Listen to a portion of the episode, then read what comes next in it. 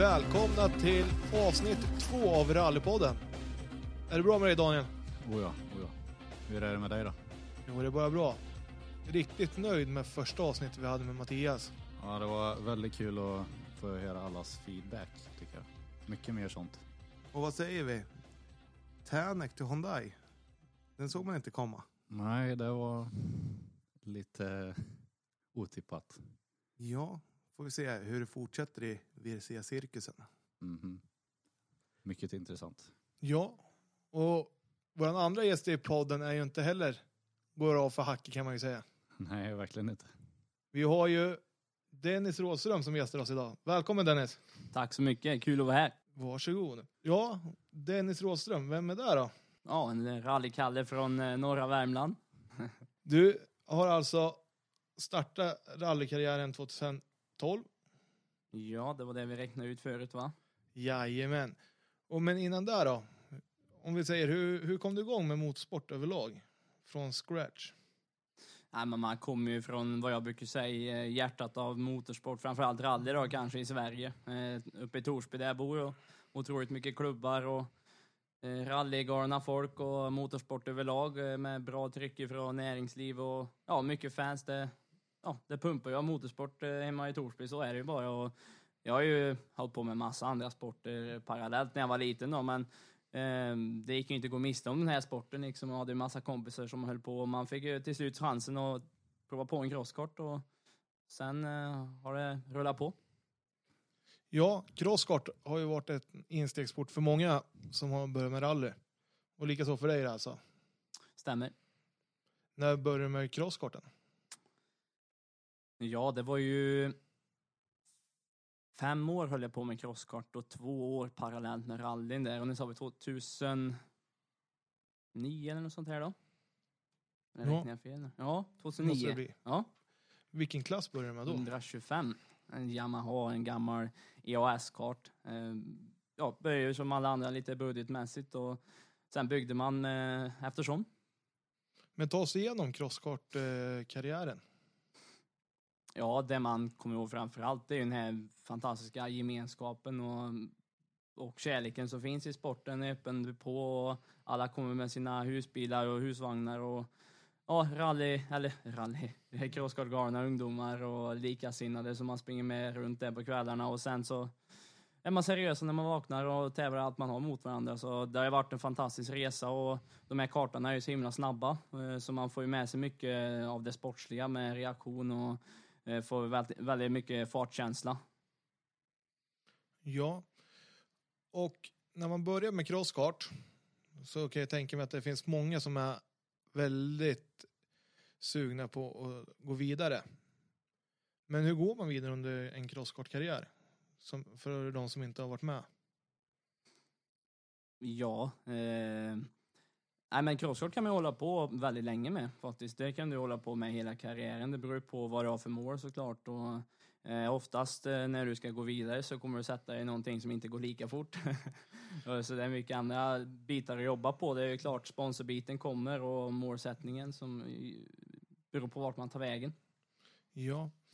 Men du började 125 och sen steget sen blev Eh, 250, jajamän. Eh, och eh, sen körde jag även 650 där på slutet. Ja, och 650 blev du rätt framgångsrik i vad jag har förstått som. Ja, det gick ganska bra. Började, körde ett år, två år i det. Eh, första året med och du vet, originalmotor bara för att komma in i det och märkte redan då att fick någon pallplats och så här och körde på. Och sen, eh, ja vi kommer väl in i det senare här i, i när vi pratar rally och karriären i stort. Det är för mycket andra platser. Avslutade den karriären också med en andra plats bakom Per Björnsson där på, på högsta banan i Haninge. Men det var, han är lite av en legend i den sporten så det är väl inte fy skam ändå. Nej, exakt. Och under den tiden var väl 650 största klassen. Ja, det var det. Det, det var största klassen då. Nu har de här fräna extreme-kartorna kommit in så faktiskt provkört en, det är ju legendariska grejer alltså. Ja.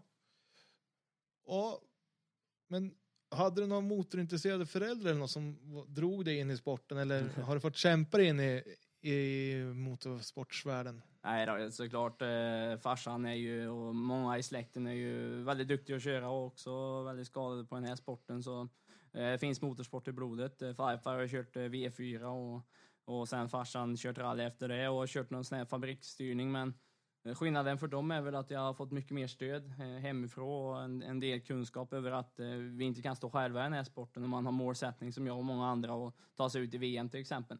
Och den stöttningen hade vi väl inte riktigt, eller kunskapen att få den. Så eh, vi har ju kommit en bit på vägen i min satsning nu, så det är kul.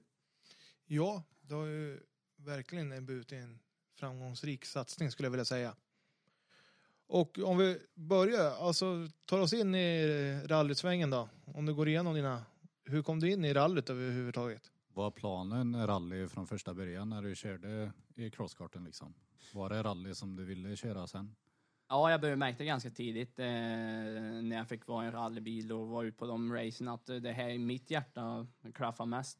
Eh, så, men jag prov på rallycross också. Eh, men jag kände faktiskt ganska tidigt den här utmaningen som är på rally. Du vet, eh, inte samma kurvor och långa dagar och ja, helt annan grej egentligen. Så jag insåg ganska fort att det var rally som gällde för mig. Ja, och rally kan du inte börja med förrän du är 16 år och jag gissar på att du också var igång redan när du Ja. var 16. Jajamän, då tog vi fram voken där och började med farsan då i sidan. Men det gick inte alls för han var ute och spydde. Han på transporten hela tiden. Och, eh, och han ville ju mest köra själv också. Så jag tog med mig kusin Vitamin, en tjej där, och fick ju också med på de här turerna när man ska börja ta de här retursladdarna och i diket och upp igen. Nej, så det var kul. Började med ungdomsrally och körde parallellt med crosskart då. Så i början där med, med Woken, då försökte man ju hålla fullt och klappa i trea i Woken liksom, men det gick inte så där bra.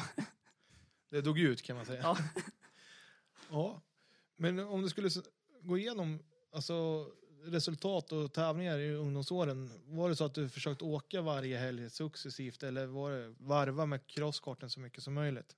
Ja, det var varva så mycket som möjligt och det var väl egentligen fem tävlingar på vintern kanske som gällde eh, med Woken och sen var det crosskort på sommaren. Eh, De här två första åren och ehm, ja, det var väl kanske lite synd för eh, man får väldigt bra car control när, under den här ungdomstiden och man ser ju på ja, Lundberg, första namnet som kommer upp i mitt huvud, liksom hur råsnabb han var direkt när det var noter så eh, man kunde ha varit lite smartare där kanske men eh, ja, crosskort var det. Om man ska göra roligt också och Ja. göra det man tycker är kul. Precis, och med rally hade ju inte varit något fel. Nej, men som du berättar, crosskarten det är ju familjärt och alltså det, man har ju sina vänner där om man börjar där från början. ja, ja, precis, precis. Ja, om vi går vidare då. Efter ungdomsrally, hur fortsatte du då? Och men då kommer ju de här drömmarna och som till slut blir målsättningar och fram lite grann när man ser alla stjärnor på Rally Sweden. Man står i skogen där och bara tänker det här måste jag ju köra någon gång. Och se på tvn och eh, vi köpte en framhjulsdriven ST-bil. Eh, för man märkte ju det framhjulsdrivet man skulle köra och ganska billig bil att drifta. Eh, och körde ingen full satsning egentligen eh, då 2016 eh, när man har körkort och grejer. Och, eh, mycket strul med den bilen, men fick köra lite SM, lite NM och så här och kände att det började gå bra. Och, eh, på det som man är så blev den här drömmen om att köra VM väldigt stark och man bara bestämde för sig för att liksom, jag ska prova få till pengarna till att köra VM 2017. Ja, du berättar alltså 2016 började ju STN Ja. och flertalet tävlingar både i Sverige och Norge. Hur var det med att skriva egna noter? Började du med det direkt eller åkte du på arrangörsnoterna?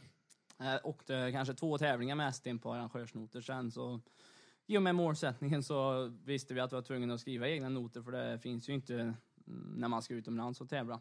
Eh, och oj, oj, oj, vilken utmaning det var. Det kommer jag ihåg. Man fick ju börja med att köra saktare för man litar ju inte på sig själv eh, mot arrangörsnoterna. De första tävlingarna kommer jag ihåg. Och, men det var ju bara att ge sig tusan på det och sen så kom det mer och mer. Och vi håller ju på än, det tror jag alla rallychaufförer gör. Eh, Och en viktig bit för att kunna hålla upp speeden, det är ju att hela tiden jobba med noterna.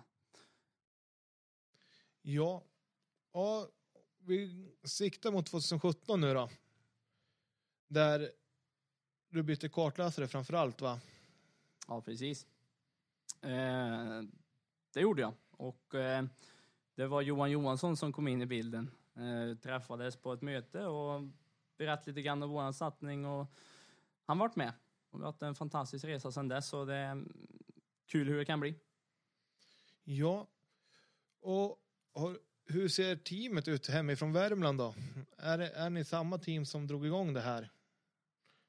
Ja, fast vi är lite fler då. Men eh, det är klart, eh, staben är kvar. Så det är kul. Ja, och hur ser den ut? Ja, farsan är med och sen har vi Göran i garaget och sen har jag en på, jag jobbar med mycket event och mycket idéer, André och sen pappas eh, gamla kartis från Norrland, Thomas Nilsson, har hjälpt mig otroligt mycket och ja, det är svårt att få med, få med allihopa men eh, jag jobbar ju med mentalcoacher och business, eh, eller business coach, nej men, men eh, man försöker få så mycket erfarenhet och tips som det går överallt så det är ju jättemånga som hjälper till. Ja. Men om vi går vidare då till 2017, om du ska ta oss igenom hela vägen, hur det kom sig att det blev JVM så snabbt utan att ha så stor erfarenhet. Det började med ett beslut eh, från min sida att nu ska jag göra det här liksom och få visa det för de andra så att vi kan eh, ja, börja jobba mot ett mål. Och det var helt sjukt vilket år. Eh, vi jobbade som fasen med sponsorer och fick till slut ihop en budget eh, efter mycket slit och mycket, ja, många timmar bakom datorer och möten och allt som är. Ja, och 2017 års kalender den börjar ju inte i Sverige som de har gjort de senaste två åren. Utan vart var det premiären då? Ja, just det. Jag var på Korsika. Så det var ju lite galet egentligen. Det går inte att föreställa sig om man har varit hemma i Sverige och kört crosskart hur det är och racea på en så fantastisk, eh, vacker ö framför allt och det här 10,000 corners eh, rally som det kallas och svänger ju hela tiden och asfalt framför allt. Så det var ju till att vara på något flygfält eh, tidigt när snön släppte här i Sverige och försöka få lite erfarenhet innan vi drog ner på start. Ja, och asfalt, det är ju inte jättemycket asfalt i crosskart. Åkte du något i Norge på asfalt med ST'n? Jag gjorde inte det vet du. Så det var det helt ny, nytt att prova på på specialsträckor alltså med exakt. asfalten. Exakt, och det, man ska kanske inte ångra sig, utan kanske ett tips för de eh, kommande talangerna att eh, kör man crosskart, kanske bra, bra att eh, få till lite gokartkörning så man har den här asfaltbiten i sig, för det jag tror det är det man bygger mest precision och, och, och snabbhet i körningen. Ja, för mm, jag tänker asfalt är mycket svårare att läsa vägen va? Kan jag tänka mig. Bromsspår, gasspår. Ja, som Hur svensk. du, ja, liksom när du aldrig har kört asfalt förut. Du lär ju inte det på ett flygfält det första du gör. Nej, det absolut inte. Då kanske du lär dig hur det känns att bromsa på Ja. asfalt. Så klart, det var en grym, grym stor eh, utmaning. Ja, och Korsika, jag tror många svenskar blev väldigt överraskade av den farten det ändå visade direkt där. Ja, men eh, det, grejen med asfalt i alla fall i de här två bilarna, det är ju att man ska försöka vara ganska lugn i körningen och hitta apex och gå på gas vid, vid rätt tillfälle och inte värma allting. Och vi har ju inte liksom eh, värstingbromsarna på de här två bilarna heller, så, så det gäller ju inte att pusha för mycket. Och, och eh, vi gjorde ju väldigt mycket jobb med noter innan, väldigt mycket videoräcke och då, då kommer ju speeden trots allt. Ja, om vi fortsätter 2017 så går vi vidare. Vad var andra deltävlingen i junior-VM då? Det vet du ju bättre kanske. Jag tror det var Sardinien va? Ja, precis. Ja, också en grym utmaning såklart när man bara varit hemma och kört eh, otroligt rough och en värme som man aldrig liksom har raceat i förut eh, och ehm, långa transporter och väldigt långa dagar överlag på räcken och hela kittet. Så där var man helt slut när man var klar den veckan. Ja, jag vet. Du var ju med oss uppe på Bosön förra året på ett ungdomsläger med Svenska Bilsportförbundet. Mm. Och där berättade du, berättade du under en föreläsning där att alltså, att besöka ställena du ska tävla på innan. Det hade ni märkt på Sardinien att det hade kanske behövts. Just det. Ja, där var vi ju inne och snurrade bra länge i en stad där vi inte hittade en sån här time control då. Så eh, det var också en lärdom att man måste vara mer fysiskt förberedd och mer förberedd på roadbooken såklart och hitta i de här eh, italienska städerna. Ja. Och, och sen fortsätter vi Eller ja, hur gick tävlingen nere på Sardinien? Ja, det gick ju ganska bra. Där tog vi vår första sträckseger. Så eh, grus onekligen är vi ju bra på här för Skandinavien, så det kom ganska snabbt. Ja, när vi är på Sardinien och åker så tror jag att hur, kände, hur kändes det att ta första sträckstegen i ett VM? Ja, men det var ju helt magiskt såklart. Och, ehm, kör man bra och liksom vinner då, då kommer ju uppmärksamheten också och man börjar komma på tapeten i, i den cirkusen och det var ju det man suktade efter så det var helt klart eh, fantastiskt. Ja. Och vad kommer vi till efter Sardinien? Jag tror jag är, Jag har lite svårt att minnas, men jag tror det kan vara Portugal. Nej, inte det året. Det var inte det året. Kanske Finland. Ja, vi är dåligt uppdaterade på den kalendern 2017 där. Det, Men- det är därför kartläsaren skulle ha varit med idag, för han har ju koll på allt. Han har koll. Du, känner du igen det här Daniel? Eh, ja, inte ha någon koll ja. Ja, chaufförerna i rally-Sverige, de verkar ju faktiskt vara beroende av sina Ja. kartläsare. Ja, men Ja. jag hittar bra själv i alla fall. Det är ingen som kan ta ifrån mig. Men Polen kom jag på att det var här nu. Polen alltså. Ännu en grustävling. En snabb jävla grustävling. Ja, alltså. men riktigt häftigt var det. Det var bara att hålla i och sen hoppas det går. Nej då. Det var mycket varvstopp eh, på de sträckorna kan jag tänka mig. Ja, och sen var det blött där. Och jag kommer ihåg vi satt i lobbyn, de har ett sånt här gigantiskt hotell i, i närheten av serviceplatsen där Rallypoolen går. Och eh, var ju lite nyfiken på hur jag skulle tänka för jag såg att det skulle bli regn. Kom Pontus Tideman förbi och gav mig tips där och som, som var faktiskt nyckeln till att det gick så bra för oss där. Eh, med att vi skulle hårda den här bilen nu när det regnar. Man tänker ju blött och ska alltid vara mjukare i alla fall när vi körde crosskart. Men han sa liksom hårda bilen så, så du trycker ner däcket riktigt genom leran. Och snabbast var vi med 11 sekunder på första sträckan. Ja, och det är väl kul när man får hjälp av en landsman sådär när man är ute i världscirkusen också. Ja, precis. Det gäller ju inte att tänka på att man är starstruck när man pratar med dem första gången då. Så det är ju jättehäftigt när en sån idol eh, kommer fram. Ja, och om du tar, och ge, tar oss igenom Polen.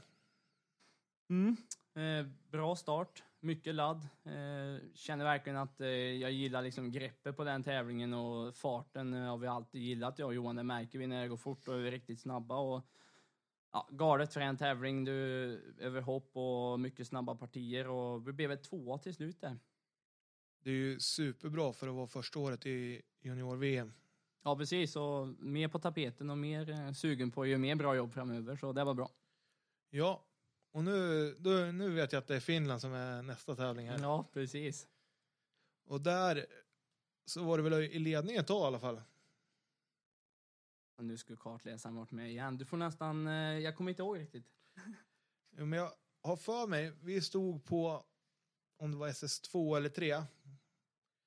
Där har, tror jag att du ledde in för den sträckan, men då slog du punktering. Just det. Ja, det gick ju ganska bra faktiskt. Och där hade vi ju också en sån här komma på tapeten-grej när vi rullade och körde vidare som hela rallyvärlden fick se. Ja, exakt. Men där i Finland, kände du dig tryggare där med vägar och sånt? Lite liknande här hemma? Nej, jag gjorde faktiskt inte det.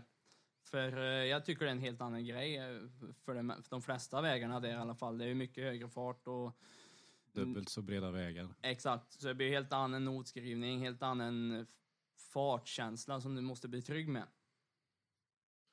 Ja, kanske börja åka mer linje på gruset också, Ja, än vad du gör här hemma. Exakt, exakt. Så en ny utmaning var det. Ja, men om vi säger, du pratade om den här rullningen i Finland. Mm. Den blev ju riktigt välkänd på både Eurosport och magasinsprogram. Ja, det är perfekt. Det är pokaler eller krasch som gäller. Ja, men du fick ju både pokal och, och en rullad bil. Exakt, så det var dubbelvinst det. Men hur slutade det där?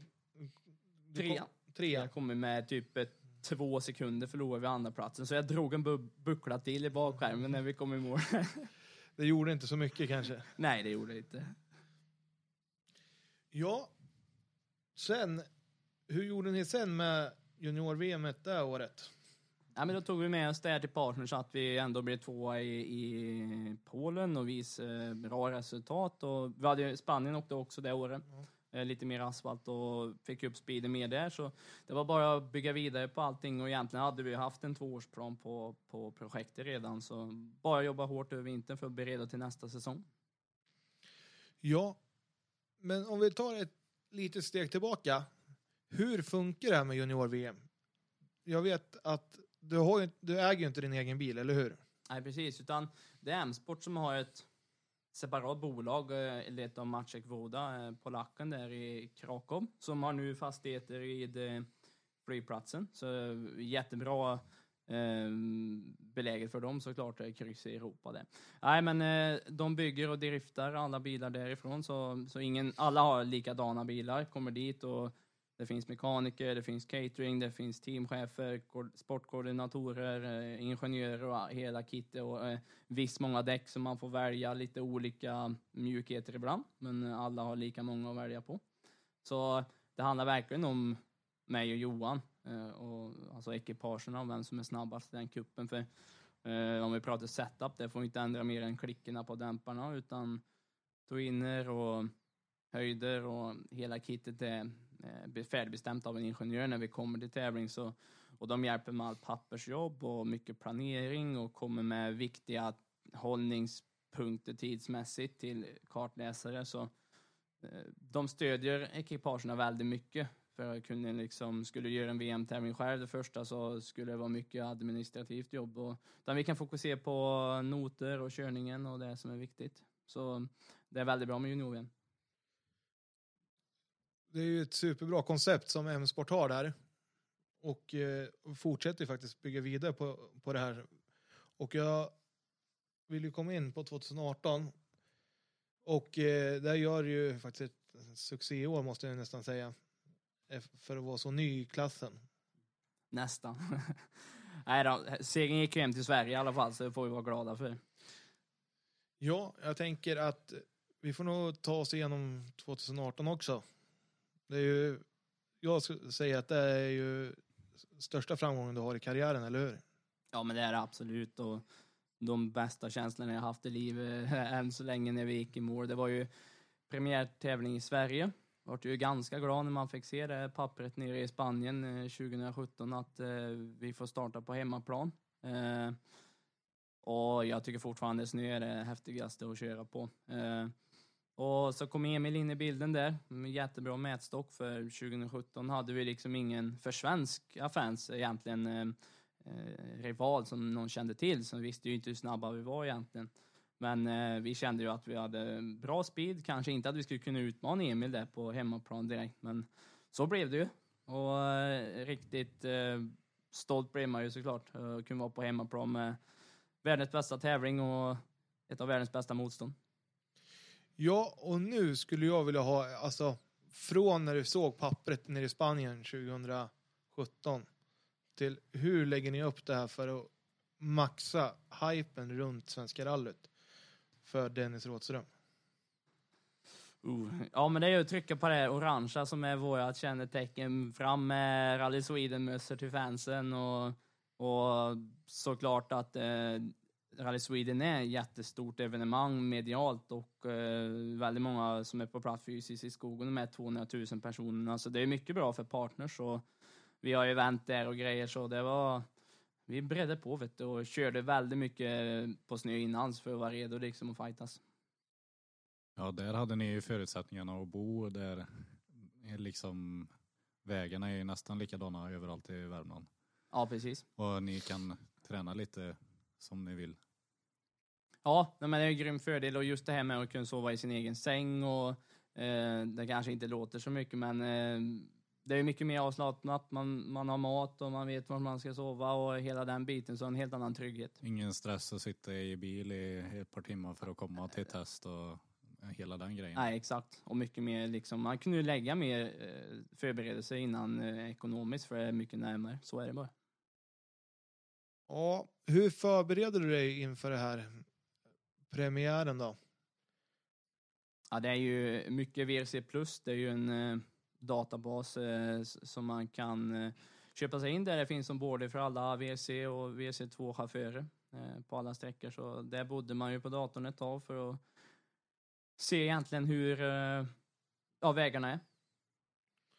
Ja, och när vi väl startar 2018 så har du ju en R2 hemma i Sverige också. Om jag inte minns Ja, fel. just det. Ja. och du kör ju lite SM innan. Stämmer det. Och lite andra tävlingar. Det var ett hårt år för den Forden var det faktiskt. Men det är väl så. Farten kommer och horna kommer och eh, man ville bygga speed så han fick eh, många reparationer. Men eh, när det väl gällde kunde vi ju prestera så det var bra. Ja, och du åkte ju med den R2, men den skiljer sig väl mot den ni åkte i junior-VM då? Ja, det gör han. Eh, en hel del faktiskt. Är ju, men är fortfarande ganska konkurrenskraftig. Och det vi var ute efter egentligen, eller som, som man behöver vara ute efter eh, om man vill bli snabb, det är att få åka mycket kilometer. Det är ju enda som gör att man blir, blir bra. Och, eh, de var ju lite dyrare de här i inköp, eh, VM-bilarna också, så man fick ta det man hade.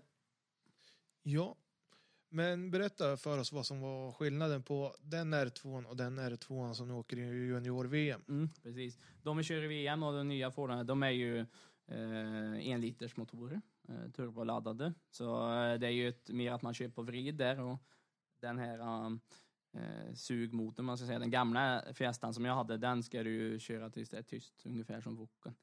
Eh, så det är lite mer attackkörning. Eh, med VM-bilen där måste du ju ligga mer i spåren och köra snårt utgången för att få ner fästet som eh, kommer när turbon eh, jobbar på.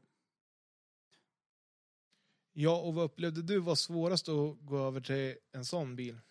Nej, men det var ju just att lugna ner körningen. Det känns väldigt eh, lustigt faktiskt om man har kört den här SUV-bilen och, och man måste nästan ta ner körningen två snäpp och bara ligga i spåren och låta bilen jobba. Ja, och som sagt, nu är vi vid Svenska rallyt 2018. Hur laddar du upp veckan innan? Nej, men det är ju att vila så mycket man kan och, och ehm, fortsätta plugga ombord så vara fräsch e- egentligen. Sen om jag fick till det så bra, du vet det är event och det är partners och allting, men så gott man kunde då eh, eh, var man väl förberedd. Hur stillar man eh, adrenalinen? När kom, började adrenalinet komma innan en tävling? Ja, den var väl nere i Spanien egentligen 2017 och sen hela vintern. Så det var inte svårt med motivationen, det, det var det inte. Det var värre att stilla ner den istället kanske. Ja, precis. Men när man kommer till en partners då, säger att nu ska vi åka junior-VM här 2018. Premiären är Rally Sweden. Hur reagerar partners då? Det beror på helt vem du träffar egentligen. En del skiter väl i det. Men en del som är rallyintresserad, det är ju helt klart en höjdpunkt. Ja, och som sagt, du gjorde ju det suveränt när vi väl kommer till tävlingen. Så jag tycker ju att du berättar från, från starten på reken till söndag eftermiddag hur, alltså, hur tävlingen var för dig. Både den- mentalt och körmässigt. Mm. Nej, räcken kommer jag ihåg. Det var väldigt bra, väldigt bra fokus. Vi känner att vi fick till det, noterna extremt bra och då bygger man självförtroende liksom successivt under de där två första dagarna. Sen eh, är det med mediegrejer och allting eh, och träffa Roger där på kvällen i M-sport stora tält och man har ju alltid drömt om att stå där så det blir lite adrenalinkickar här och där och sen får man hem på kvällen och försöka ladda om och upp till travet där. Eh, går väldigt bra med nervositeten tills eh, det är fem sekunder kvar. Då känner man ingenting i kroppen, men vi tog sträckseger där ändå då. På ren vilja säkert. Eh, nej, men det är helt, helt galet eh, hur man inte kan hantera kroppen i de här situationerna. När man ser allt folk och man sitter i drömmen helt plötsligt. Och, då fungerar ingenting helt plötsligt. Men eh, så var det med det och det lugnade väl ner sig till på fredagen ute i skogen där när man kunde börja fokusera på körningen bara. Eh, och det gick ju onekligen bra. Och då släppte vi inte taget utan pushade på och på söndag så hände samma grej igen. Eh, när man eh, kom på att fan vi har ju chans att vinna det här mot Emil. Då domnade kroppen av igen och gjorde två halvbra sträckor i Likenäs och Eh, Men sen kom vinnarskallen tillbaks där inför sista sträckan i Torsby och mm, fick klappa till han där. Och, ja, sen var man i drömmen, vinnare över Rally Sweden i ett junior-VM. Ja, och för de som inte är så insatta i rallysporten Mm. så finns det ju en sträcka som hela världen snackar om när vi pratar Rally Sweden. Och vilken är det Daniel? Collins Crest Vargåsen, ja. varje och sen. Hur känns det på lördag förmiddag där när ni ställer upp på Vargåsen? Aj, ja, det kanske inte var så speciellt för mig, eh, men efteråt när man fick ha prova på det, det är helt magiskt. Alltså, där känner man verkligen publiken in i bilen och det var samma i, i år. Det, var, det, det är helt gudomligt att köra det. Ja, för om man ska ta sig igenom vet det, fram till Collins Crest Mm. så är det ju, du åker ju jämst en sjö där, eller hur? Mm. Och det är inte jättemycket folk som står innan. Om man säger, vi har stått där ett par år innan Jämsjön. Mm. Det, det är lite fåtal folk som man ser med några brasor. Men när du väl kommer upp över krönet, alltså det måste ju vara en magisk känsla.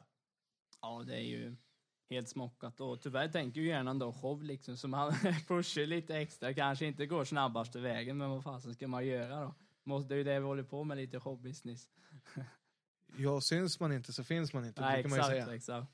Nej, det, du vet, det är ju smockat som du säger ända fram till Collins och efter det, så det är ju magisk sträcka bara. Men underlaget under den eh, i Rally Sweden i år var inte det ultimataste vad jag minns. Det var Nej, det är väl- väl klart det var eh, utmaning för däcken. Speciellt andra runda med mycket grus i botten, men Hur väljer du att spara däcken? ja, man får ju bara sänka tempot lite grann överlag. Och sen beror det på lite grann däck- däckstrategi och hur mycket däck du har. Jag tänker, går det, när man åker på sånt adrenalin, första eh, Rally Sweden och så ska du tänka på att jag måste spara däck. Hur går det ens? Ja, nej, jag tänkte mer på i år. Jag kommer knappt ihåg underlag i 2018. Det kanske var dåligt också. Ja, det var det nog va? Ja, jag har för mig... Eller eh, har jag tänkt eh, 2019 nu hela tiden? Jag tror du sitter och tänker 2019. Ja, det gör jag nog. Men 2018 var det ju också. Lite halvpiss va? Ja, det är inte att klaga för mycket. Vi sitter ju och kör aldrig VM. ja exakt. Nej, det är inget, du hör ju, jag har inte reflekterat så mycket över det, utan det var bara kul att köra. Så då var det inte så mycket däcksparning som Nej, det krävdes. tror jag absolut inte. Ja, och fortsätter vi 2018. ja, ner till Korsika igen. Eh, och eh, ja, mer förberedd, har varit där innan, vet vilka utmaningar som kommer med de här fem och en halv mils långa sträckorna vi har som tar en och en halv timme att åka igenom med personbil på räcken. Så ni kan ju bara tänka vilken utmaning det är som kartis och jag brukar alltid när vi kommer i mål säga på räcken och bara såg du vad vacker det var eller såg du de här kurvorna och bla bla bla. Johan bara nej. Full koncentration. Ja, de tittar inte ens upp i Korsika när vi skriver noterna på grund av att det svänger så enormt mycket. Eh, Så vi visste ju vad utmaningen var, det att man behöver vara lugn och bilen ska hålla hela vägen och framförallt bromsarna. Så en helt eh, okej tävling. Ja, och när du kommer andra gången så där till en tävling. Har du någon fördel av att du har varit där innan?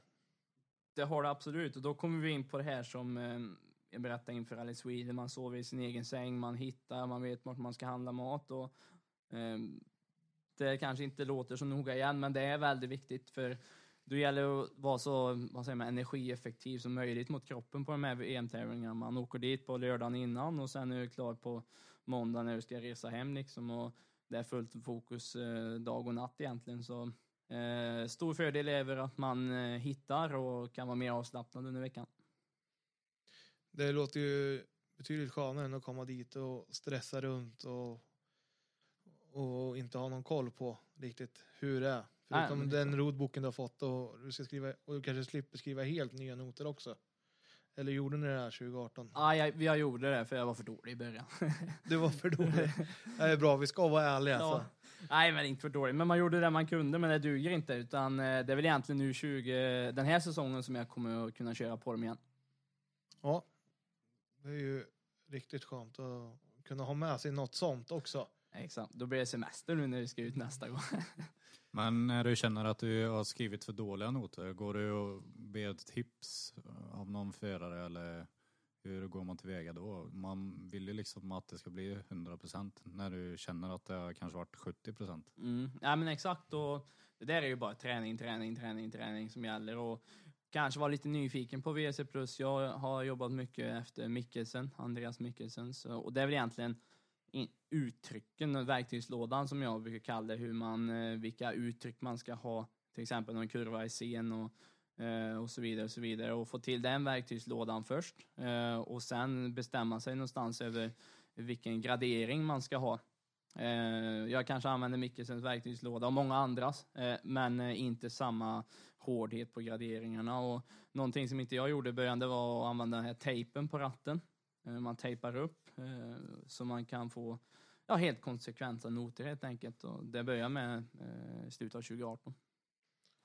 Tejpen på ratten säger du, för de som inte är så inbitna.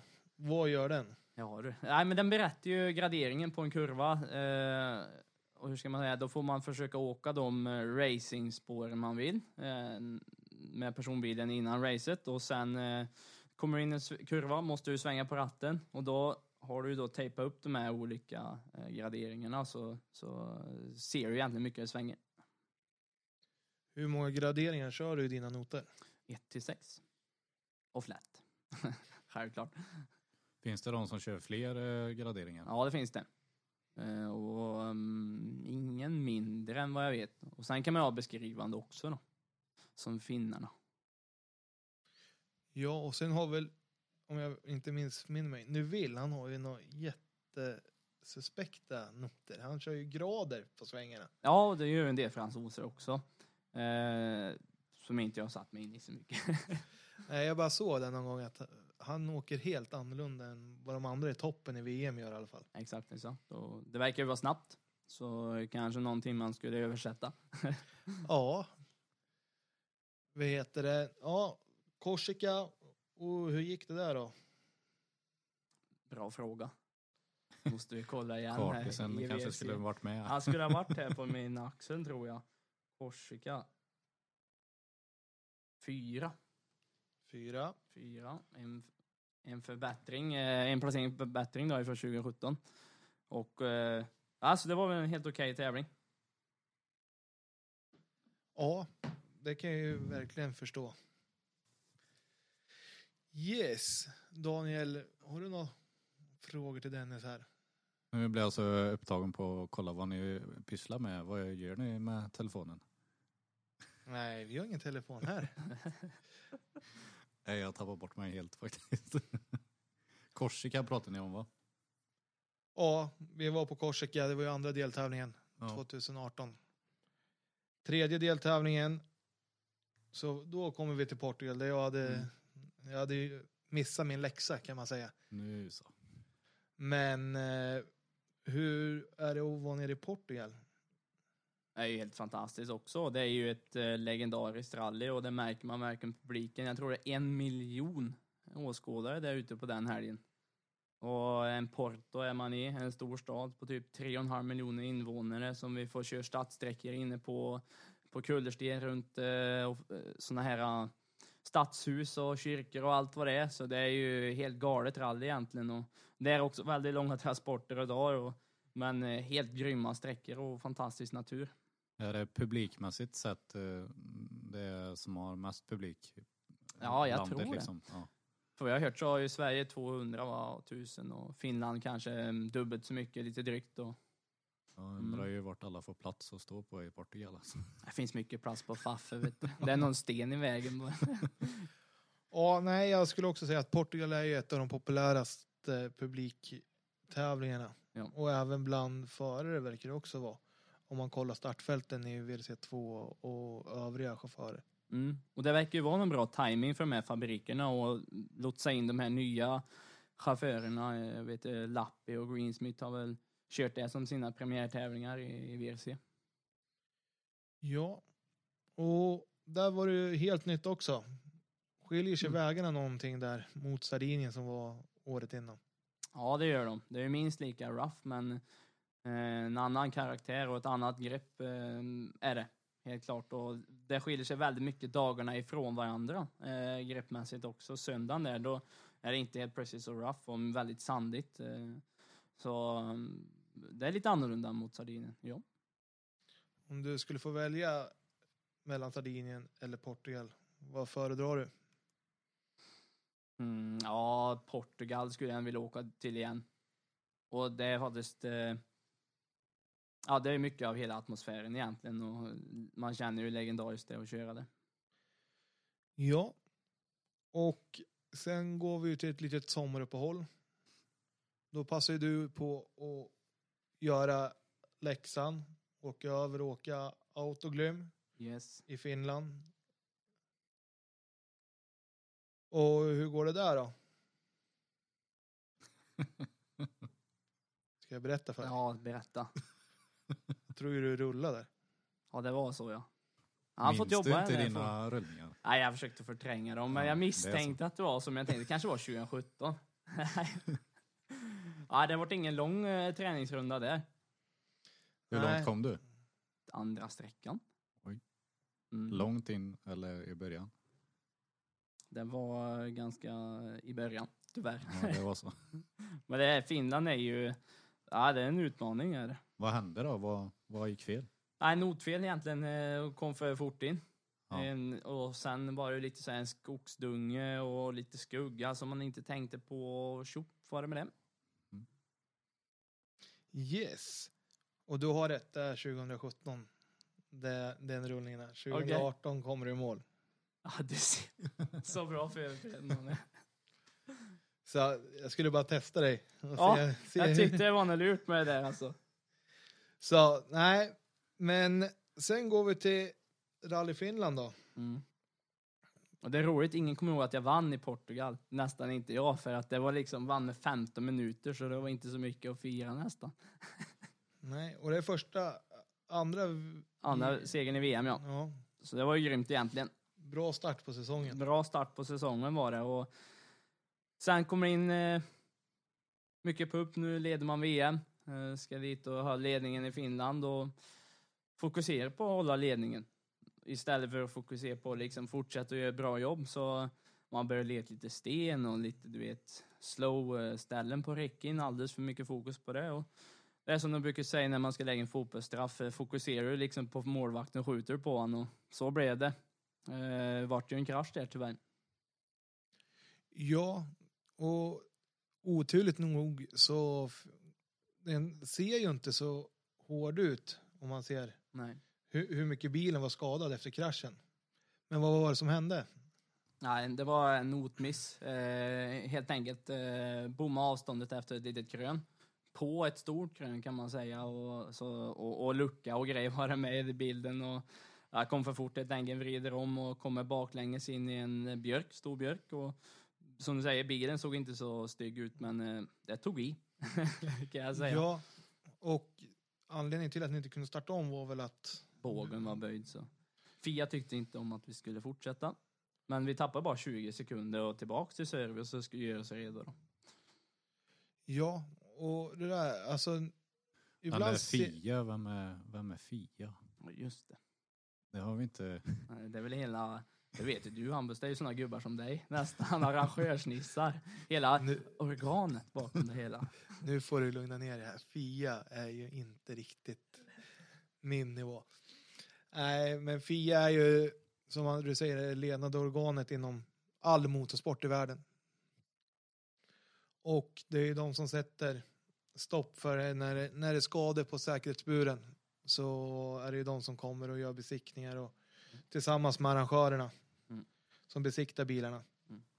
Så det är helt klart ett bra jobb de gjorde när de upptäckte att bågen är skadad. Det är ju väldigt tur att eh, de har jobbat fram bra grejer. Ja, men det är ju tråkigt när man inte kan fortsätta. Och, för du får ju inte byta buren, så vet du det, huvudbåge under tävling heller. I alla fall inte i mitt team vad jag vet. Nej. Men eh, efter Finland här då, Mm. som tog slut väldigt snabbt. Det som ska tilläggas var ju att du var ju inte själv. Neville var ju också ute och vände på den där. Ja, shit. Han, han hade lite mer tur kan man säga. Jo. Men så är det ju. Den här sporten. Och, nej, men det var ju bara att ladda om. Eh, det är väl också, eh, om man pratar junior-VM-konceptet, lite kul. Vi har ju en poäng för varje sträckseger man tar. Eh, och sen såklart Championships-poäng på slutresultatet på en tävling. Men sen har du också dubbla poäng på det här slutresultatet på finaltävlingen varje år. Så hoppet fanns ju kvar och eftersom i sista tävlingen som gick ner i Turkiet, där kan du vinna dubbla poäng och fortfarande många stage wins kvar att kämpa för. Så när man har grottit färdigt där så var det bara hem och ladda om. Hur såg det ut innan ni kom till Turkiet? Ledde du då eller? Nej, då ledde jag inte. Jag låg kanske trea, fyra eller något sånt där dumt. Ja, du hade tappat i alla fall ledningen ja, i mästerskapet. Det hade jag. Det hade jag. Så det är dumt. Hur många är det i klassen som tävlar? Eh, det, då kan, jag tror jag det var 13 stycken. Ja, det är så. Eller till och med 15. Om inte kommer Så det inte är fyra i klassen, tänker jag. Nej då, det är lugnt. Ja, Turkiet. Där har vi ju sett på tv hur det ser Jajamän. ut. Det är ju jättefina vägar, eller hur skulle Ja, det är så helt fantastiskt. Jag och Johan brukar alltid säga det, att vi vill tillbaks dit. Och det vill vi faktiskt. För det, det är inte fint då, men det passar oss för det är riktigt grisigt och man får jobba hårt. Passar nog inte en R2-bil faktiskt. Nej, och de som säger att det är dåliga vägar i Sverige, Ja, de ska åka till Turkiet. de ska ta sin semester dit. Ja, det är väldigt fint. Nej, men ta oss igenom Turkiet-helgen. För jag tror att det är många som undrar hur det är där nere. För det är ju ett nytt arrangörsland i rally-VM också 2018. Ja, precis. Och där finns det ingen VRC plus eh, ombord. Det går igenom, vet inte så mycket. Eh, och eh, nej, men det, det är ett kompakt rally. Eh, ligger med en sån här fin semesterort, så det är lätt att få tag på hotell och eh, ganska fina dagar på det viset. Eh, tre punkteringar eh, och byter däck hos någon eh, sån här däcknisse som går i foppatofflor och, och lagar de här däcken och grejer. Så man får ju med sig mycket minnen på de här VM-äventyren. Ja, och tävlingen drar igång. Eh, fin sträcka, startsträcka vid, vid hamnen där i, i, vad heter det nu igen, stan? Marmaris. Marmaris. Och, så, så det är ju ganska häftigt. Eh, Bra, bra stämning, men som du säger, sen kommer man ut på sträckorna och det är inte så mycket väg kvar, utan det, det är ju mer så där att grävmaskinerna har gått upp i bergen och så har de bara skrapat ner en väg och ganska stora bumlingar. ja, och sen kommer ni sent till startfältet med era R2R. Exakt. Och- Otroligt varmt. Otroligt varmt också. Men eh, jag kan ju tänka mig att det var ju en utmaning utan dess like att hålla liv i den där Forden. Ja, det var det verkligen. Och, eh, men det gick väldigt bra till en början och ledde ju stort där. Eh, men sen kom punkteringarna. Gjorde de. Så det gäller att vara väldigt smart i Turkiet där och, eh, och ha mer eller mindre tur tror jag. Ja, men är det så att ni har däcksbegränsningar inom JVM också? Mm, det har vi. Så vi har lite färre däck än VM-chaufförerna, men vi brukar ha 22 per tävling. Var det så att ni fick lägga till i Turkiet tack vare att det var så? Nej, nej. Det var, där kan vi prata spara däck, eller? Ja, det, det är nog att överleva och inte få här punkteringarna eh, som det handlar om det. Och där var det alltså den som, det kan inte vara den som var snabbast som vann Turkiet om man säger så. Ja, det var det väl säkert i slutändan. Eh, men det gäller ju som sagt att vara otroligt smart för, för eh, så tufft som det är så måste man ju ta hand om bilen och så är det ju på de flesta VM-tävlingarna. Det är väldigt rough så man måste hitta en bra balans och kunna vara snabb och, och säker. Det går inte bara att köra på attack alltså. Nej, Man får vara lite smart. hålla in rumpan lite annars så slår du av någonting. Ja, du ska ju igenom 30 mil, eller vad är en Ja, VM-tävling? precis. Eh, mellan 30 och 34 mil är de. Ja, det är ju tre gånger så långt som ett SM här hemma så. Och ni åker ju tre dagar, fulla dagar nästan va? Nej, och det är det som är kul med VM och därför min utvecklingskurva har varit så, eh, så brant egentligen. Att få åka så otroligt mycket bil och det är ju det som ger erfarenhet, eller ja, färdighet. Ja, man bygger ju ett otroligt högt lägsta tempo. Exakt. Ja, jaha, när vi kommer in efter det här 2018 då, hur skulle du summera det året? Nej, men ett, eh, ett, en otroligt bra början såklart. Eh, fel fokus i Finland eh, som slutade med krasch. Och sen gjorde vi allt ända in till mål och fick med oss en andra plats mot otroligt värdigt motstånd. Och, eh, så man var väl eh, ganska nöjd ändå. Ja, jag tycker jobbet ni gjorde var suveränt och det var ju superkul att följa både dig och Emil under det här året i junior-VM. Nej, men det var häftigt att tävla mot Emil och han har ju också varit lite som en idol och tog väl egentligen klivet tillbaks lite grann och in i, in i VM, eh, junior-VM-cirkusen. Så det var kul att köra mot honom. Ja. Jaha, bestämde du redan i Turkiet 2019 då ska jag fortsätta åka junior-VM eller var det hem till kammaren och fundera och bygga en strategi eller? Ja, det var i alla fall hem i kammaren och fundera på strategin, för vi hade ju planerat att vinna det där 2018 och eh, jag hade väl ingen riktig plan B. Eh, Så, men eh, när vi hade klurat ett tag så kom vi fram till att ett, till år är att satsa på.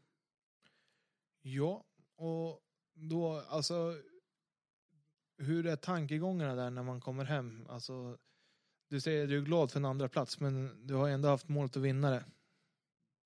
Nej, det är klart, eh, vinst är ju det enda som gäller. Sen att man behöver ta med det positiva för att hålla hela ja, egot igång och satsningen. Och det är inte kört liksom, utan det har ju sina förklaringar. Man kan alltid bli bättre. Men, eh, men eh, och junior-VM har ju även ett pris för att kunna ta nästa steg. Och det är ju någonting man suktar efter också när man kör här. Så, så eh, det låg i tankarna att man skulle ut i R5 eh, efter 2018 så fick vi tänka om det.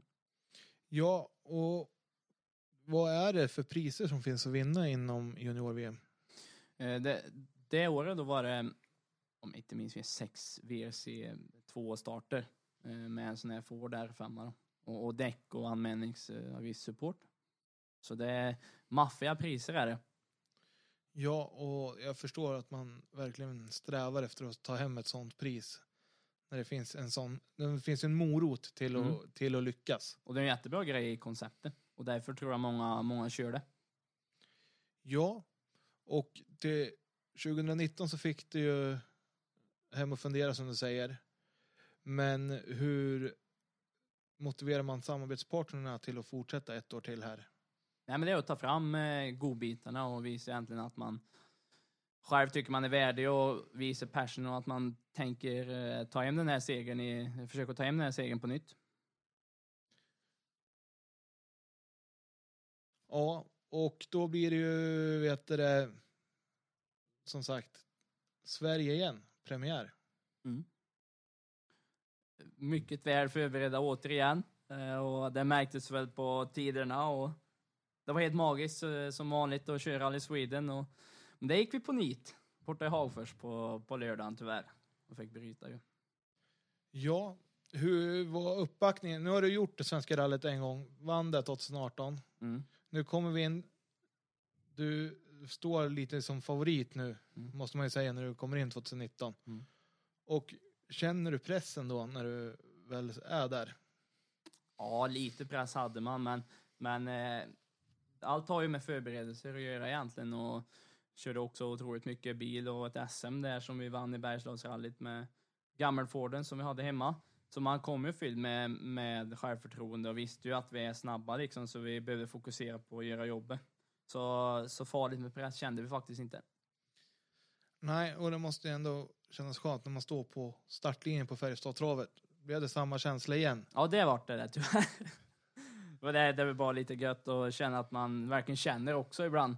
Eh, så man inte bara sitter och fokuserar liksom på att göra det här jobbet. Ja, men fredagen, där gick det ju galant. Ja, skapligt. Men vi var ju och snurrade där också och tappade plastbitar och grejer. Så eh, vi var nog lite för mycket på tå. Eh, så var det bara. Men eh, som du säger, det, vi hade ju en ledning efter fredagen och tog tillbaka det där och satte nog grym tid på eh, avslutande Norge-sträckan. Så bra dag. Ja, och sen som du sa b- när vi började prata Rally Sweden här, Mm. kommer lördagen och det går riktigt fort i början. Mm. Sen andra vändan på Hagfors. Det, vad händer där? ja, det som inte får hända egentligen, men Det är ju det, det är ju så små marginaler från fiasko och seger i den här sporten ibland och bromsa på oss helt enkelt in i en ganska snabb kurva där mitt på sträckan och eh, åker av och kommer upp igen faktiskt efter, som det brukar vara egentligen, fantastisk publik ut på Rally Sweden, lyfter upp skiten tillbaks och då har ju tyvärr drivaxeln gått då. Så vi blev kvar i skogen. Så, nej, små marginaler, surt. Det kan jag tänka mig när man väl har laddat upp för det här. Men som tur var så finns det ju de här sträckvinsterna så det måste ju ändå vara en motivation till att starta om till söndagen sen. Ja, precis. Och där får man ju riktigt stort tack till teamet och framförallt mentalcoachen som stötte en bra i det här läget och kunde fokusera om till på söndagen. Och då var det ut och köra igen, bilen är klar, teamet har gjort ett bra jobb och upp till Likenäs där och bara njuta. Och du plockar ju en sträckseger där då. Mm. Så du får ju med dig lite värdefulla poäng där. Exakt, exakt. Och sen är det ju det, du, du krigar på där och tar med dig värdefulla poäng till mästerskapet ändå. Även fast du hade det här ödesdigra misstaget på lördagen. Precis. Ja, men det gäller ju att analysera såklart och lära sig av misstag, men sen också släppa dem fort och gå vidare. Jajamän. Jaha, ner och åka Korsika en tredje gång. Yes. Och nu då? Använder du noterna från 2018? Nej, det gjorde jag inte, utan det blir, kommer jag ner till Korsika nästa år, då kommer jag använda dem. Då kommer det. Så, så var det. Så eh, det var nytt igen. Johan fick, jag tycker han behöver jobba lite extra också. Kan ju inte bara sitta Ja, där. han är ju så lat annars, eller ja, hur? Ja, ja, ja, visst. Nej, men eh, det var nya noter det, vet du. Och mycket mer erfarenhet hade vi såklart. Och visste redan på shakedown och att vi var på det. Och sen eh, var vi upp och tog en sträckseger första på asfalt och greja på det. Eh, Men sen kom det in lite orutin på söndagen och ladda för mycket när vi hade chans på vinst. Och det går ju inte på asfalt utan du måste göra det på rätt sätt för att inte överhetta allting. Ja, vad är det som händer där när, du, när man börjar attackera extra hårt och känner att Mm. ja, nu, det känns säkert som det går fortare. Ja, fast- exakt, exakt. Men det, det är inte det som händer. Utan, Nej, men du bromsar för sent, ligger kvar i kurvan, eh, spinner mer däck. Eh, bara helt orytmiskt helt enkelt och det bygger sån otrolig värme snabbt. Och då blir det ju- du måste slå på tempot Jajamän. för att inte bränna. Bromsar Varken- och däck och hela kittet. Så eh, det är något att ta med sig. Ja, och sen så har vi ju sett dig i några tävlingar i en tillbaka till ungdomsrallytiden i år också. Ja, precis. Man får ta det man har, så är det ju. Eh, vi fick lämna ifrån oss eh, Forden, eller sålde den till en annan lovande junior eh, som skulle köra på. Vi hade väl egentligen lite andra planer kanske på hur vi skulle hålla upp speeden som inte gick i lås. Så, så vi var hemma i Woken igen, körde föråkare och fick skriva noter. Och det är det jag säger, man lär att- att sitta i rallybil och få kilometer i kroppen, det är då man blir snabb. Ja, och då valde du att ta med, vad är det, flickvännen? Ja, precis. Eh, gamla flickvännen i alla fall. Så fick det bli. Eh, ja, precis. Och jätteroligt när man kan göra det liksom eh, inom familjen såklart. Ja, är det skönt att få ett miljöombyte också, höra andra röster än att höra Johans röst alltjämt? Ja, absolut. Det blir ju trött på Johan så fort, vet du. Nej då. Nej, men det är klart det är en annan grej, så det är kul. Ja. Eh, ja, och sen så kanske vi ska hoppa över SM-äventyret där. Ja, det struntar vi tycker jag. Ja, Det var eh, bara det- synd att han inte fick chansen. Ja, det hade varit jäkligt kul att se fighterna i R2 där. Ja, det var ju magiskt att följa ändå, ja efteråt. Ja, så är det ju. Men så kommer vi till Sardinien. yes. Och eh, ja, en del erfarenhet har vi också där sedan innan, så man visste ju vad man skulle tänka på hela kittet, men kände ganska tidigt att vi inte fick till, ehm, fick till känslan i bilen helt enkelt. Och Jan eh, Solans, där spanjoren, var väldigt snabb och det där fortsätter liksom genom hela rallyt, men vi, vi, han gjorde något misstag där och vi fick ha ledningen, men orkade inte helt enkelt kriga tillbaka. Så han gjorde väl ganska vilda insatser på söndagen också med stora risker där eh, på de sträckorna för att ta segern. Så det var en hård fight, men ingen tävling vi är direkt nöjda med. Men det renderar ju ändå en andra plats i junior-VM. Ja, precis. Så två stadiga tävlingar där med Korsika och Sardinien. eh, Två pallplatser var väldigt behövande för att liksom kunna komma tillbaka och sätta press på toppekipagen. Ja, därför vi har ju inte berättat hur många deltävlingar är det under junior-VM Mm. som 2019. Det är fem stycken. Är det. Så det är klart, det börjar man som på Rally Sweden och inte får med sig, då, då måste du vrida om hela mindsetet och planen liksom på att eh, du inte kan ta så stora risker som de andra egentligen. Och nu var vi ju tillbaks i gamet då inför Finland igen. Ja, vi kommer till Finland. Och eh, hur är det där? Ja, men det är god känsla. Det är ju ett av de bästa rallyna som finns. Eh, och otroligt kul med de nya bilarna som kom till eh, årets säsong från Namsport. Eh, väldigt roligt att köra. Eh, lite annorlunda det med eh, hur motoreffekten fungerar eh, i samband med körning och helt nytt chassi och fjäderben och växellåda i hela kittet. Så en helt fantastisk bil att köra egentligen. Eh, och det var vi väl inte på det nog i början. Tom han fick ju sväva iväg där på fredagen. Ja, han hade, man kan säga att han hade fått luft under vingarna så det Ja. gick ju som aldrig förr det där. Nej, nej, jag tänkte jag kommer ju köra ihjäl mig om jag ska upp i hans tempo, för vi gjorde det bästa vi kunde faktiskt. Eh, Och, jag menar, vi kände oss väldigt snabba, men fick till lite setup-ändringar där på fredag kväll och ut på lördagen och då var vi back in business. Lite för sent då. Ja, Tom byggde ju en bra lucka där på Ja. fredagen. Och, eh, men på lördagen då, där är det ju, då är det ju fullt krig för att ta så mycket sträckvinster som möjligt kan Ja, jag tänka mig. exakt. Och tight var det och Tom pushade ju på som busen, så nej, skitroligt då.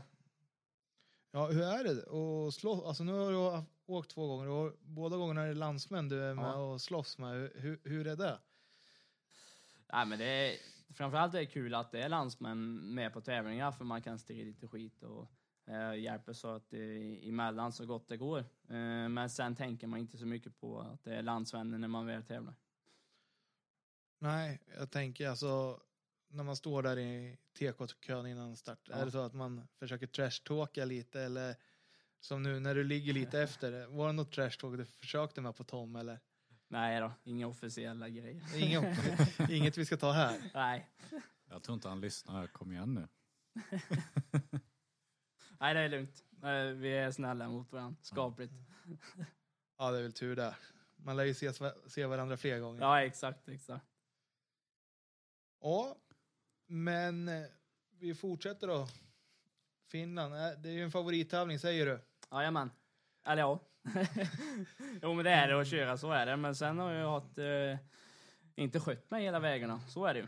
Och vart ju en liten avåkning igen inne på Power Stage där på söndagen. Och ner i dike, ganska fint dike, men lyckades få in en pinne där i, i kylan och kommer upp igen på vägen och 15 sekunder senare så har vi varning för värme i motorn. Och inget vatten i kylan. Så så var det med det. Tråkigt slut på, på en bra fight annars. Ja, helt klart. Eh, sen kanske inte var så mycket fight på gång där på söndagen eftersom han hade en bra lucka Tom och kändes väldigt snabb. Men det är klart, hade jag kommit mål där så hade jag haft ett annat eh, pressat läge på grabbarna i toppen. Jajamän. Jaha, sen blev det ett besök i Slovakien. Slovenien till och med. Var det Slovenien? Det är samma grej kanske. Nej, det Nej, är det inte. Nej, precis. Same same but different.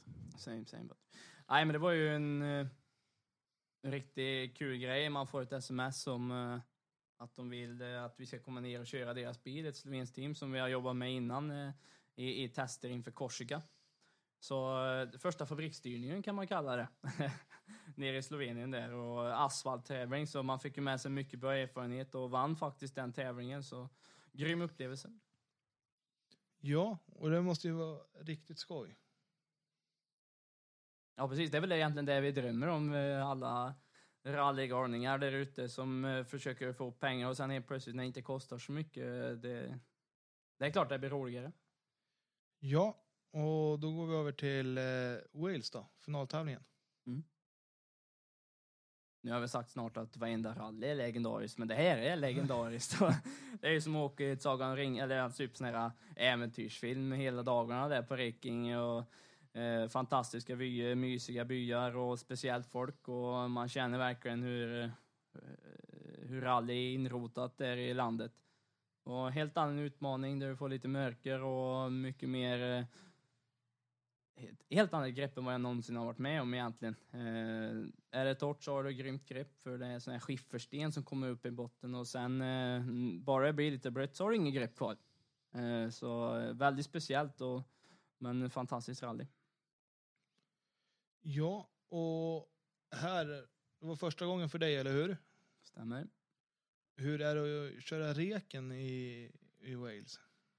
Ja, det är väl lite grann som, i alla fall på sträckorna så är det lite skog, så det känns lite grann som hemma faktiskt. Så det är inte så svårt faktiskt. Hade ni med rekbil från Sverige eller hade ni rekbil? Vi hade från Sverige och den, den har varit nere i Korsika och Sardinien och grejer, så vi har gjort några roadtrips nu. Ja, ni har tagit med samma Ja, vi har gjort det. räckebil. Det måste ändå kännas tryggt att ha så. Ja, och den sitter lite annan fjädring på skydd för bukplåten, så också en trygghetsgrej. Ja. Och eh, när ni startar Rally Wales så finns det fortfarande en möjlighet till att plocka ett junior-VM-guld. Så hur går tankarna då här innan start? Nej, men det är ju att vi ska naila det här rallyt, liksom vinna alla sträckor och snabbast hela tiden och börjar ju väldigt bra. Eh, tar en väldigt bra sträcktid det på, på eh, kvällsträckan. Och sen ut i skogen, känner på det, märker att eh, de andra grabbarna är på det också såklart. Och sen tidigt igen i rallyt så um, kör vi på en sten eh, och knäcker spindeln. Så var det med det. Ja, och då tror jag att du känner att det här var ju för jäkligt. Ja, men då har jag ju tränat på det med att känna att det är så för jäkligt så det tog inte så lång tid. Jag fick gå, gå ut i skogen och grina lite grann och sen eh, samma det. Hoppet fanns ju fortfarande, tävlingen inte klar och den är otroligt rough den där tävlingen så allt kunde ju hända visste vi så var vi liksom tvungna att hålla huvudet högt och ladda om ändå.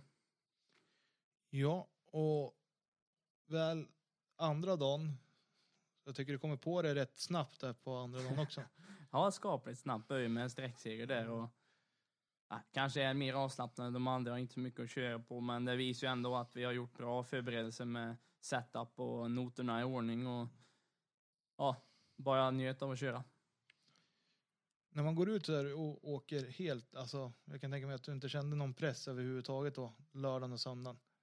Jämfört med vad du har gjort tidigare under Mm. säsongen. Hur är den känslan jämfört med att vara helt påkopplad och känna att just nu har jag inte det i mina egna händer utan nu måste det hända grejer framför. Ja, men det är klart det, det är positivt i vissa aspekter. Jag försöker ju alltid fast man är, är med i gamet så att säga vara så lugn som möjligt för då har du bäst fokus och det känns som det går långsammast i hjärnan där och då så du har bra koll på grejerna. Eh, och då kör man bättre så det är väl därför det går fortare när man är avslappnad. Ja. Yes. Ja, om vi summerar 2019. Vad tar du med dig härifrån? Nej men en grym speed och riktigt roligt år där jag har fått kört rallybil på ett sätt jag aldrig eh, kunde föreställa mig att jag skulle kunna göra. Eller jag och Johan har gjort det. Ehm, nu börjar noterna sitta otroligt bra. Vi har speed på alla underlag och kan vinna på alla underlag. Ehm, det är väl lite taktikjusteringar kanske som behövs nu när man tittar i efterhand. Visst, det är små marginaler, men eh, vi känner ju att eh, drömmarna vi har och målen eh, hamnar ju inte längre bort. Det är klart, vi vinner ju inte det priset nu igen, men eh, det finns vägar dit än. Yes. Ja. Och det jag skulle vilja lyfta med dig är ju att hur kommer det sig att du valde att gå ut så tidigt i världen istället för att vara kvar hemma som många. Många blir ju fast hemma i Sverige. Mm, mm. Vad gjorde att du satsade helhjärtat på att åka ut i världen direkt? Nej, men kanske en stark vilja. Och eh, just att man, det är klart vi gjorde det inte bara utan vi tänkte igenom det här och såg ju lite grann vad vi hade för möjligheter. Så man får inte vara dumdristig. Har man partner som vill vara hemma och köra kanske det är bästa vägen. Men vi bestämde oss och hade en del nätverk med utländska partners och hela den biten och det blev en möjlighet. Ja, och så har jag hört tidigare någonstans att du fick hjälp av en väldigt rutinerad svensk rallyherre. Ja, vi var ju med Stig Blomqvist på en eh, gemensam partnersmässa i Elmia innan eh, jag drog igång junior-VM-projektet och han sa det liksom. Du, ja, han tyckte att jag skulle ut i världen så fort jag kan för det är där du får rätt erfarenhet beroende på målsättning. Men jag vill ju liksom bli som han, världsmästare och då måste du ut på de vägarna och lära dig hela utländska cirkusen. Och det får du ju inte hemma. Så är det bara. Exakt, och jag tycker alltså ett sånt tips är ju guld värt att få ifrån en sån person också. Ja, själv, han verkar ju veta vad han håller på med. jag bara se på historien. Legend. Ja, eh, vad har du för tips till de svenskar som är sugna på och eh, har en målbild att jag skulle vilja sikta mot att åka utomlands? Nej, men det är ju någonstans eh, känna efter vad det är man vill och ifrågasätta sig igen. Vad är det jag vill egentligen med det jag vill? Eh, och kommer du fram till att du vill köra internationellt och bli världsmästare, då, då är ju junior helt klart bästa vägen för du får så grymt mycket erfarenhet och som jag sa, det utvecklingskurvan kommer gå spikrak uppåt och hela världs, eh, rallyvärlden kommer ju liksom se det på tapeten mer än om du kör hemma.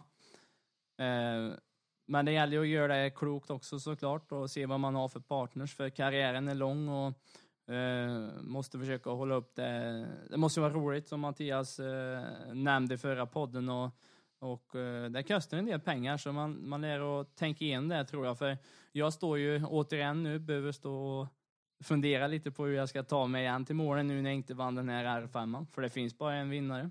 Så det gäller att ha ett stort vinnarfokus när man ska ge sig ut i, i VM. Ja, och om man ska ta det ett steg längre, alltså Mm. med partnerskap och sånt. Mm. Går det att vara kvar i Sverige bara eller du pratade om att du hade internationella samarbetspartners från Ja. början som var intresserade av det här. Precis. Nej, men det, det, det finns ju alltid, i alla fall jag har ju olika partners, sådana som vill hjälpa till och sådana som vill ha marknadsföring och det finns ju alla setup som, som helst och det där beror på lite vad man har för nätverk eh, och det gäller väl att kolla på det i början kanske, men vara tydlig mot sig själv vad man har för målsättningar, då tror jag eh, man kommer klara dem. Ja, och för alla som inte är så inbitna, du var inne på det lite förut, hur en vecka med rally-VM ser ut. Mm. Du sa tidigare, ni reser ner lördagen innan tävling. Ja. Så börja där och så Mm. berättar du vidare dag för dag vad som händer under en tävlingsvecka. Jag kan väl egentligen dra det till veckan innan tävling som jag berättade inför Rally Sweden där. Det gäller ju, det kommer ju ta mycket energi den här raceveckan och det gäller att ha batterierna fulladdade när man kommer dit och ha fokus på det sportsliga och inte jobb och familj och allt vad det kan vara utan fräsch när man kommer till tävling. Sen flyger man ner på lördag som du säger. Söndag kanske ut och gör ordning räckebilen, träna lite. Eh, för då, då händer det ingenting egentligen utan det är på måndag. Då har vi briefing med junior-VM-teamet, eh, går igenom veckan som ska komma och lite grann vad man ska tänka på och eh, hämta ut GPS-grejer till räcken. Om vi inte är i Korsika, då börjar räcken redan på måndag. För det är så otroligt bökigt att ta sig. Som jag sa, det är fem mil, en och en halv timme på räcken och sen har du väl en och en halv timme tillbaks för att kunna starta sträckan igen. Så dagarna går det, så det är lite speciellt. Men annars brukar vi starta räcken på tisdag.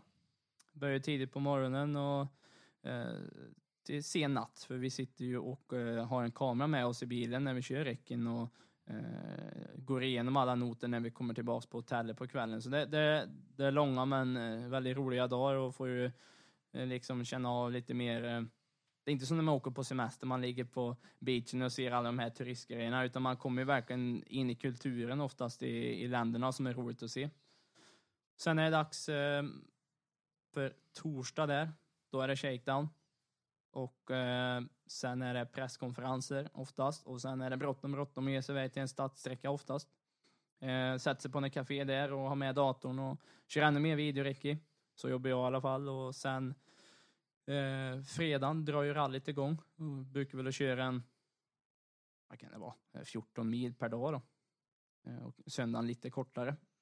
Eh, och då brukar vi säga det är VM i vänting, Som en norsk eh, kompis säger, för då är det ju massa tv och grejer för powerstage. Men alltid lite kul, kommer man ner de här eh, idolerna med alla som kör i högsta klassen, sitter man i någon idrottshall och får äta lite käk och se hur de jobbar. Då. Så det är lite kul.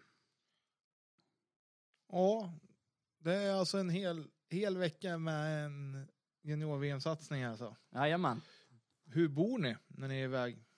Ja, det är ju femstjärnigt hotell för mig. Nej. Budgetfråga. Nej, men man vill ju såklart bo så nära som möjligt och ganska fräscht då, för man lär ju kunna sova bra. Eh, Men det är lite lägenheter, hotell. Är det ni Husbil. själva som sitter och väljer vart ni ska bo och så? Ja, precis. Mm. Eh, Och flyg och sånt. Så Det, det sköter vi själva. Men en del rackare, de bor ju i husbilar och grejer, så det är fint. Hur bor eh, toppförarna då? Ja, det, jag tror det är hotell. Men det väljer de säkert själva. Ja, du har inte sett vart de smiter in och... Jo, på vissa ställen. och Det är väl... Det duger bra. Jag tror de vill bo ännu nära, alltså nära tror jag är viktigare för dem än att bo på flådiga hotell om man säger. Ja, det är klart. De har ju fokus på vad det är att vinna och vara så fräsch alltså. Tid är viktigt. Jajamän. Ja, vi får väl se vad Dennis tänker göra till 2020. Det kanske inte är något du kan avslöja, men du kanske har några olika planer som Ja. du kan berätta om. Nej, men jag kommer i alla fall fortsätta med rally och ha lite olika alternativ än så länge och en del alternativ som, eh, som man väntar på. Och det går trögare på vissa ställen och, och snabbare på vissa. Så jag vet inte om jag kommer köra nationellt eller internationellt eller både och. Men eh, något lurt ska jag hitta på. Ja, det låter ju strålande gör det ju. Ja. Så, men vad, vad är målet med rallykarriären nu då, framöver? Ja, jag vill ju framförallt köra internationellt, så är det ju. För fortsatt vill jag ju bli en VM-chaufför och kunna jobba med det här och kunna fighta som en VM-titel till slut. Och då ehm, känns det för mig som att eh, jag lär hålla kvar viss internationell körning, vilket som i alla fall. Men man får se, kanske syns på en SM-tävling. Ja, ska vi köra lite frågor i slutet här nu? Jag fick ju upp några frågor. Um, du körde i samma team som OGR 2018, eller ni körde för Ford i alla fall. Ja. Går man och frågar han lite snyggt, eh, vad tror du om det här? Kan jag göra så här? Eller är han lite så här i sin egen bubbla och du, man vågar inte sig på att gå in i den bubblan? Nej, Han har faktiskt schemasatt eh, tiden han skulle hjälpa oss juniorer, så han kom till oss. Ja, så det var lite kul. Eh, med Malcolm och gänget där och eh, ja, lite för blyg kanske för att fråga om. men men eh, han var där och hjälpte till. Vad gav han för tips till exempel? Något Ja. du tog med dig liksom ja, som nej, jag satt... kommer eh, inget jag kommer ihåg. Eh, en annan grej jag tänkte på, kan vem som helst bara säga jag vill köra junior-VM till eh, liksom M-sport eller Ford? Eller måste man eh, kunna redovisa budget eller vad du har gjort innan eller kan vem som helst liksom bara säga jag ska köra det här nu?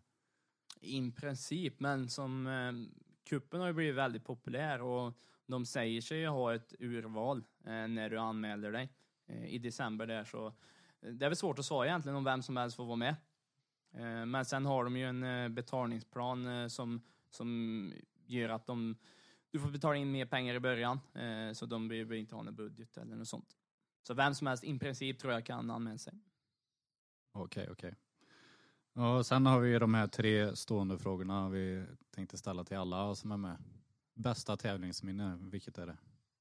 Rally Sweden 2018 såklart. Det är det. Ja. Eh, andra frågan är ju värsta garagetabben. Har du varit med om några sådana? Ja, det är ju säkert jättemånga. Men det inget som jag... Kanske inte så farligt då, för det är inget specifikt jag kommer på.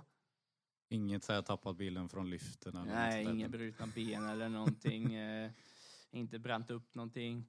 Eh, Inte nej. glömt att dra åt något hjul någon gång. Och... Ja, jo. Ja, det kanske är värsta det. Jag skulle... Peter Engström, en kille från Norrland, han glömde att dra, upp, eh, dra åt pultarna på hans Ford Escort, så då vart det på diket. Eh, hände det på transport eller? På... Nej, på ett test. Ja, så det gick så. det gick skapligt bra. Men det är väl en tabbe då. Ja, det var ju en rejäl tabbe. Ja. Eh, och sämsta skogsminne? Det lät ju lite som i Finland där när ni knäckte buren, men finns det något annat som har... Ja, nu i Wales var det inte så rockigt att stå där vid bröt, för det är ganska kallt och Mm. jävligt att stå och vinka ner eh, 60 stycken in- nationella chaufförer. Så det är väl det sämsta, att veta att VM var över. Ja, Då är det ju dags att runda av den här podden. Och vi vill ju tacka dig Dennis för att du kom hit. Och hoppas du tycker att det har varit en givande pratstund här. Ja, man fick ju bli påmind om mycket. Nej, superkul att vara här och jag tycker det är ett grymt kul initiativ. Och, så vi har något att lyssna på nu när vi är i garaget och förbereder oss inför nästa säsong. Ja, och jag kan tänka mig, du lär ju sitta en del i bil och grejer också. Nu när du ska ut och jaga samarbetspartners. Exakt. Som alla andra juniorer. Så eh, riktigt kul initiativ tycker jag. Ja, och sen eh, vi släpper ju varannan vecka har vi tänkt att göra. Men eh, eh, under tiden ni väntar på nästa avsnitt så kan ni gå in på Onroaders och lyssna på lite driftingpoddar istället. Om ni gillar motorsport. Det finns rätt så roliga poddar att lyssna på det. De har eh, nog över 170 stycken att lyssna på tror jag. Yes, och som du säger, vi i Rallypodden kommer släppa varannan vecka.